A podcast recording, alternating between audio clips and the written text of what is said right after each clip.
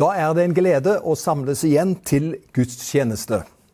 Som du har fått med deg mange ganger, så holder jeg på å tale over å være en efterfølger av Jesus. For det er jo det det dreier seg om. Vi skal ikke være efterfølgere av systemer, av mennesker etc. Vi skal være efterfølger av Jesus. Og vi er stolt over at det er han som er vår frelser, herre og forbilde. I dag skal jeg si litt om vårt gudsbilde og hans efterfølgere.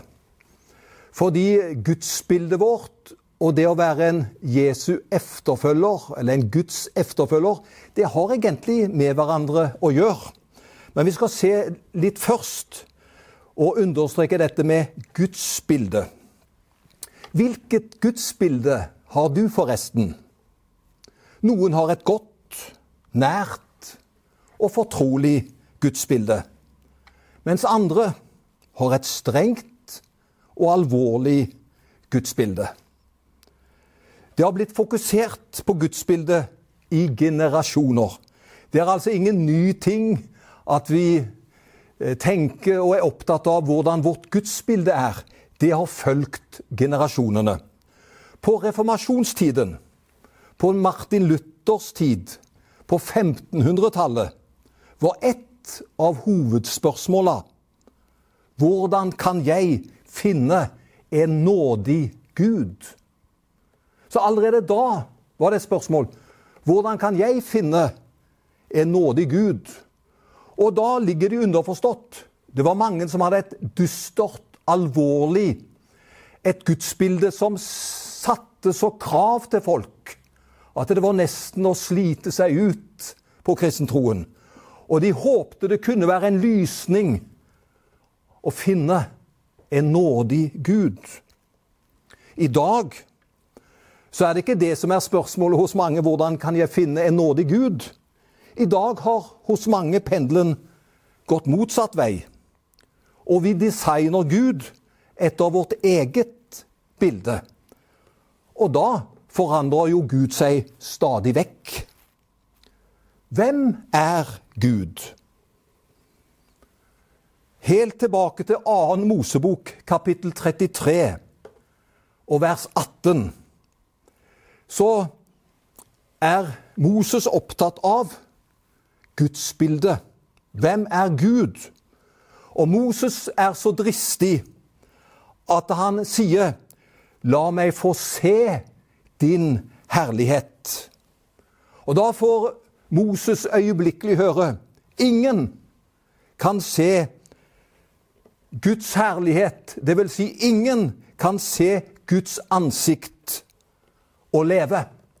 Gud er så hellig, han er så opphøyd, at et svakt lite menneske kan ikke se han ansikt til ansikt. Men så får Moses høre du skal få se han bakfra. Hva forteller denne historien oss? Jo, den forteller at vi skal ha ærefrykt for Gud.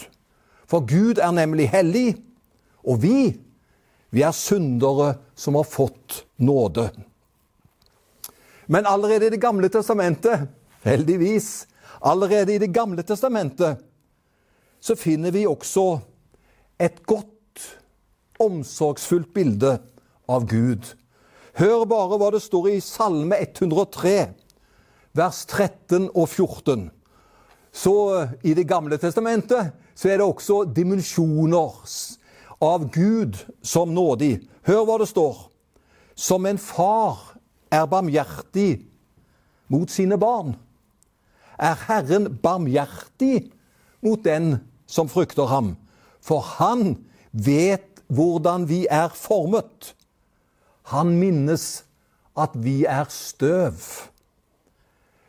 Der omtales Gud som en som er barmhjertig, en far som er barmhjertig mot sine barn. Slik er Gud barmhjertig mot oss. Og så kommer det en god forklaring, for han vet hvordan vi er skapt. Han vet at vi er støv. Altså, vi er begrenset. Vi gjør feil. Vi er ikke noe stort. Han har jo formet oss, han kjenner oss, han vet om våre sterke sider. Men i sannhet, han vet også om våre svake sider. Og så er han barmhjertig og nådig, for han kjenner oss, og han vet akkurat hvordan vi er. Gud kan jo ikke forandre seg. Vi mennesker er flinke til å forandre oss. Og det kan både være en styrke og en svakhet. Men Gud, han kan ikke forandre seg. Han er hellig, men han er også barmhjertig. Så ta med deg begge sidene. Han er hellig, men Gud er samtidig barmhjertig. Det hender at vi sier om barn at han er faren opp av dage. Da ligner gutten veldig på far. Eller vi kan si hun er prikk lik mora. Hun har sinnet til mora. Hun har til og med humoren til mora. Hun er prikk lik mora. Det kan vi si om noen jenter. Jesus ligner også på sitt opphav. Og Nå skal du høre hva det står om Jesus i Hebreerne 1, vers 3. Der står det Jesus er et avbilde av Hans herlighet og det uttrykte bildet av Hans vesen. Og i Kolosserne 1,15 står det Han er et bilde av den usynlige Gud, den førstefødte før hele skapningen. Og jeg har bare lyst til å si det Jesus er prikk lik Gud. La oss også lese Johannes 1, 18. Aldri har noen sett Gud. For vi kan jo ikke se Hans ansikt og leve. Gud er hellig, minnet vi hverandre om i 2. Mosebok 33, 18. Og Derfor står det her, det korresponderer i Johannes 1, 18. Aldri har noen sett Gud. Den enbårne sønn, som er i fars favn, han har vist oss hvem han er. Og Jesus sier til Philip i Johannes 14, vers 9.: Den som har sett meg, har sett Far. Kan du tenke deg en slik identifisering mellom sønn og far, som Jesus er med Gud? Og han sier, 'Den som har sett meg, Philip', ja, da har du sett Gud. Han er prikk lik Gud. Jesus han viste oss et inderlig og nært forhold til Gud. Og han kalte Gud for sin far. Og ved Jesu dåp så kvitterer Gud på Jesu tiltale, for Gud, han kaller Jesus for sin sønn. Dette er min sønn, den elskede. I ham har jeg velbehag. Og på fjellet, når eh, Peter og Jakob og Johannes er sammen med Jesus oppe på fjellet, så sier Så kommer det en kvittering fra himmelen. Det er en røst som sier, 'Dette er min sønn, den elskede'. I ham har jeg velbehag. Hør ham. Jeg syns det er utrolig sterkt og tillitsfullt. Og det er nesten Det er rørende å høre hva Jesus sier da han står ved Lasarus' grav i Johannes evangelium kapittel 11. Og Jesus er kommet helt til det punktet hvor han vet at Lasarus har vært død i flere dager. Han er kommet til stedet, og nå er han ved grava. Og så sier Jesus dette vågale ord, må vi si. Rent menneskelig sett så var det voldsomt, det Jesus sier. For han sier til de folka der, ta bort steinen. For det var steinen som hindret åpningen inn i grava. Ta bort steinen, sier Jesus. Og så skal du høre det tillitsfulle Jesus har. Tenk at han sier, Far, jeg takker for at du har hørt meg. Jeg vet at du alltid hører meg. Kan du se denne tillitsfulle relasjonen som Jesus har til Gud? Far, han kaller han far. Jeg vet at du alltid hører meg. Vi forstår at det er logisk at Jesus kan si far til Gud. Men vi syndere, vi kan vel ikke kalle den hellige Gud for vår far. I religioner så er egentlig Gud den utilnærmelige. Og det må stadig gjøres gode gjerninger for å tilfredsstille ham. Men i Herrens bønn så lærer Jesus oss noe annet. Og den bønnen som Jesus lærer disiplene oss alle å be i Fader vår, det er en revolusjonerende bønn. Der sier Jesus at våre bønner skal gå til Far i himmelen. Og Derfor starter vi Herrens bønn med å si 'Vår Far i himmelen'. Tenk du han er ikke en gud som er utilnærmelig. En som vi ikke kan ha kontakt med, som vi ikke kan skue og oppleve nærhet til. Nei, du, det er gode nyheter. Vi kan titulere Gud som vår far. Og bak det hele er det en personlig og nær relasjon. Og så er det også et grensesprengende bibelvers vi finner i Efeserne 3,15. Hør hva det står i Efeserne 3,15. Han, står det, som er den rette far for alt som kalles barn i himmelen og på jorden. Det er nesten som jeg vil si et halleluja. Tenk det, står du. Han som er den rette far for alt som kalles barn i himmelen på jorden. Og jeg har lyst til å si, du som ser på og hører på i dag er du et barn, dvs. Si, er du et menneske, så ønsker Gud å være din far. Det er den relasjonen Gud ønsker å ha til deg. Nærhet, omsorg, tillit, fortrolighet. Gud ønsker å være din, bar, din far, og du er hans barn. Du er jo et menneske som han har skapt. Han er den rette far. Han er ikke en stefar. Han er ikke en reservefar. Han er din og min rette far for alle som kalles barn i himmelen og på jorden. Jesus har vist oss hvem Gud er. Og Jesus han er full av nåde og sannhet. Han er kjærlighet. Han er rettferdighet. Og så søker han etter de som har gått seg vill. Jeg er veldig glad for at jeg har lært Gud å kjenne. Jeg er veldig uh, glad for at jeg har lært Jesus å kjenne. Og jeg kan si Jesus er prikk lik Gud. Samme vesen, samme opphav.